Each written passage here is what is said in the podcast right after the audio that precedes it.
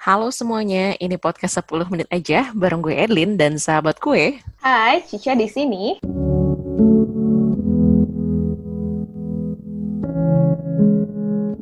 Dan guys, sebelum kita ke episode hari ini, kita mau announce kalau kita udah punya Instagram account. Yay, thanks to Edwin. so, teman-teman, buat kalian yang punya request, feedback, silahkan langsung DM kita aja. Kita akan coba reply. Di Instagram tersebut kita juga akan regularly update episode list kita ya, Edwin ya. Dan yep. guest star juga. So, silahkan langsung di-follow di at 10 menit aja.podcast. Oke, okay, so topik hari ini akan membicarakan tentang penampilan dan juga tentang body shaming. Iya, mungkin di sini yang poin yang kita bakal bahas ya teman-teman ini adalah lebih kayak, oke, okay, kalau presentable itu artinya itu uh, kita nggak perlu tampil yang wow atau kayak gimana perawatan yang super atau kayak gimana, tapi mungkin lebih ke kita itu tampil rapi, kita tampil mm-hmm. um, optimal dan basically sebenarnya ya kita itu ingin memberikan versi terbaik dari diri kita gitu dan I think di sini harus ditekenin Indlin. Jadi kalau misalnya cantik itu tuh bukan berarti harus uh, tato alis, pakai extension bulu mata, rambut di roll exactly. panjang yang Iya, Cak. Jadi tampil cantik itu sebenarnya emang berbeda untuk setiap orang dan there is no um, certain way or certain measurement untuk mengatakan seseorang itu cantik. Utamanya sebenarnya adalah confidence dan juga know what is best for yourself gitu. Oke, mungkin Elin nanti bisa tambahin beberapa poin ya. Cuman kalau menurut gue pribadi sebenarnya penampilan rapih itu adalah ya pasti bersih, hygiene gitu. Kal maksudnya ada certain um, esensial yang tetap harus kita jalanin. Misalnya kayak semacam skincare, hair care, cuci muka secara teratur, mandi secara teratur. Maksudnya itu udah standar paling minimum lah yang menurut gue sih harus harus kita meet gitu. Terutama sebagai seorang perempuan ya, Delin ya. Iya, taking care of yourself sih basically, Cak. Kayak apa yang tubuh lu butuh ya lu berikan gitu. Misalnya hmm. kayak kulit kering pakai moisturizer, sekarang kulit I think bukan masalah hitam atau putih sih menurut gue bukan soal warna kulit lagi tapi lebih kepada kulit itu sehat atau enggak gitu kan ya yes. kulit yang sehat pasti glowing gitu kan cak mm-hmm. terus udah gitu instead of mungkin pakai sandal jepit ke mall ya udah pakai sepatu flat kayak gitu loh ya. jadi maksudnya lebih taking care of yourself supaya lebih enak dilihat gitu bukan berarti uh, tanpa itu semua kalian tuh nggak enak dilihat bukan but why not we present ourselves better Right. Okay, I think that's a good point sih. Cuman mungkin kalau dari sisi gua, kita bisa nambahin pokoknya yang pasti dengan the way kita berpakaian itu kan tergantung kita ketemu siapa, tujuannya apa, itu udah pasti harus sesuai dulu lah ya. Itu mungkin mm -hmm. kita udah sama-sama tahu.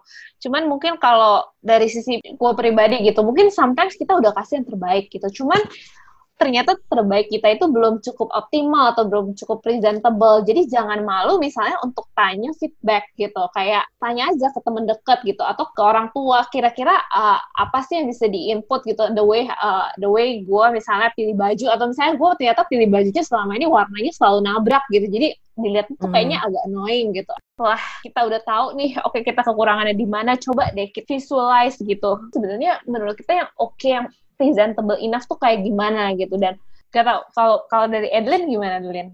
Iya benar banget sih Cak dan emang gini loh, ini sebelum teman-teman berpikir yang macam-macam, karena poin kita adalah perlakuan society kepada orang yang berpenampilan rapi, rapi ya, gue nggak hmm. bilang kayak fashionable atau uh, stylish atau gini, rapi, the best of themselves, sama orang yang pakainya cuek gitu, Cak. Itu hmm. pasti beda gitu.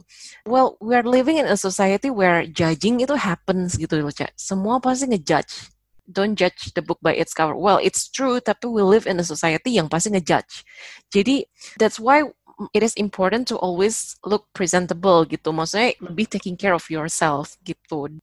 By saying kalian harus look polish, itu bukan berarti kalian harus look yang mega fabulous atau mega yang berlebihan gitu karena mm. polish itu juga atau sebenarnya bisa spend too much gitu ya iya mm. yang terlalu menor lah gitu cak karena less is more gitu kan dan mm. style yang paling oke okay itu adalah style like your age gitu Right, bener banget. Dan mungkin kalau misalnya untuk society yang kayak Adeline bilang, betul banget. Jadi society itu akan selalu judge gitu. Mungkin kalau kita sebenarnya udah oke, okay, dia juga mungkin akan tetap judge gitu. Jadi yeah. kita juga harus punya apa ya self confidence, uh, as in mm-hmm. kayak kita harus konten juga nih kayak kalau menurut kita sendiri ini udah optimal, kita udah meet the standard, ya udah gitu. Kita nggak perlu harus, uh, maksudnya memenuhi apa yang society minta dan sama juga kembali ke kita gitu. Kita juga sebenarnya sebagai society juga, to certain point ya kita juga nggak bisa demanding orang untuk kayak yeah. selalu meet up our standards gitu karena it's, itu sebenarnya relatif exactly, banget, banget sih ha, gitu tapi at least toleransi untuk kerapihan itu ya harusnya sama lah ya tiap orang Iya. Oke, okay, Glenn. Nah, mungkin sekarang gue pengen nanya sih, lebih ke body shaming ya. Sesuatu topik yang lumayan sempet panas beberapa lama terakhir ini. Dan contohnya bentuknya kayak apa gitu, Glenn? Oke, okay, gue kepikiran satu influencer Indonesia. Waktu itu dia ngepost dia lagi di um, liburan di pantai pakai bikini gitu kan.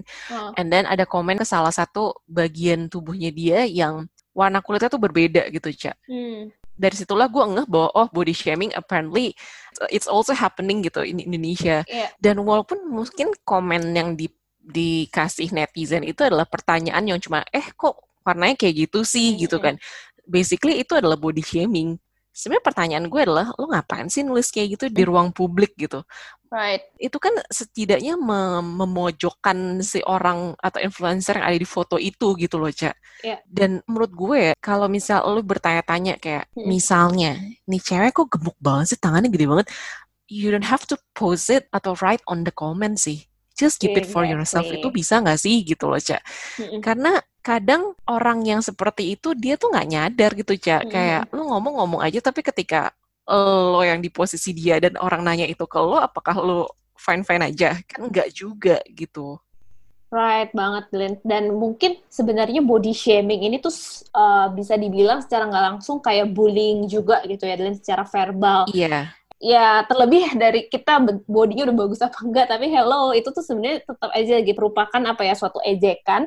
Dan actually bukan cuma bikin hinder doang gitu loh. Kalau korban body shaming ini sebenarnya bisa apa ya bisa secara hatinya terluka dan dia tuh bisa menarik diri gitu dari keramaian terus dia kayak jadi bertanya oh my god emang gue sejelek itu ya dan segala macam dan gue juga sempat baca nih ada studi dari Journal of Behavioral Medicine yang ditulis pada tahun mm -hmm.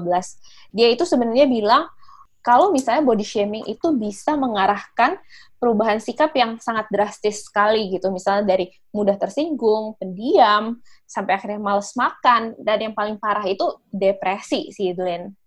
Iya, yeah, well, it actually happens di kayak artis-artis K-pop sih. Hmm. Tahun kemarin kan banyak oh, banget ya? artis K-pop yang melakukan suicide. Dan itu pas gue baca artikelnya dan kebetulan adalah gue tahu K-pop K-pop ini dulu tuh gue ngikutin gitu, Cak. Hmm. Dan mereka semua itu karena stres, Cak. Karena komen dari netizen. Menurut gue kayak, hmm. wah lo tuh nggak tahu seorang tuh serapuh apa gitu loh. Kenapa sih harus menunjukkan kurangan dia di mukanya dia gitu loh. Lo tuh siapa? Sebenarnya gue tuh kadang mikir kayak netizen kok kadang tuh jahat banget sih gitu loh.